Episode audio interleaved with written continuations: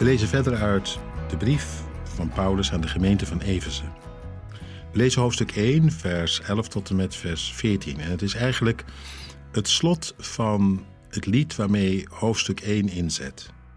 We hebben vorige week de eerste twee strofes gehoord van het lied en nu de laatste. Maar dat is tegelijk ook de opening naar het vervolg. We lezen vanaf vers 11. In Hem, in Christus, heeft God, die alles naar zijn wil en besluit tot stand brengt, ons de bestemming toebedeeld, in overeenstemming met zijn voornemen, dat wij, die reeds onze hoop op Christus gevestigd hebben, zouden bestaan tot eer van Gods grootheid.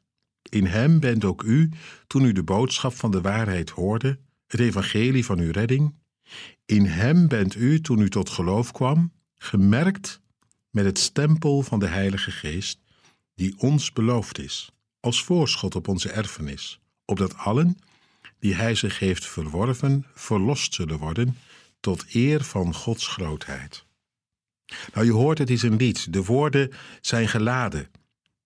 Het heil wordt er helemaal in uitgezegd, in een paar zinnen. Het wordt als het ware uitgejubeld. Het is dan ook veel meer iets om van te zingen dan om helemaal te gaan analyseren. Want hier wordt eigenlijk een leven neergezet, een leven uit genade, een leven door de geest. Een leven dat helemaal gezet is in het licht van, van Christus en wat tegelijk van Hem doorademd is. Laat ik er even één ding uithalen. Paulus die schrijft hier, je bent tot geloof gekomen. Dat betekent, Gods genade is zo voor je opengegaan dat dat de bron is geworden van je bestaan, door Hem gereinigd. En met dat dat gebeurde, en dat hoorden we helemaal ook de eerste keer, hebben ze de Heilige Geest ontvangen. Op de doop, waarin, ze reiniging, waarin de reiniging van hun leven zichtbaar werd, volgde de oplegging van de handen, waardoor de Geest in hen kwam wonen. Een prachtige volgorde. Met dat je wordt gereinigd, komt Gods Geest in je. En word jij een woning, een tempel van de Heilige Geest. Dat is het waar Paulus hier aan refereert. De Geest als een voorschot op de toekomst. Als voorschot op de erfenis die wacht. Het volle leven in het licht van God. Dat jij thuis komt bij Hem. Zolang dat nog uitstaat, komt Hij vast onder dak bij jou.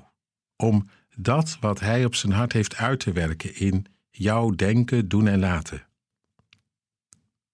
Later zal dat worden genoemd dat je opnieuw aan het beeld van Christus gelijkvormig wordt, of aan het beeld van God. En dan denk ik aan Genesis 1.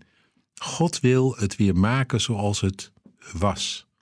Dat wij door adem van zijn liefde al meer die liefde gaan leven naar Hem toe en naar elkaar.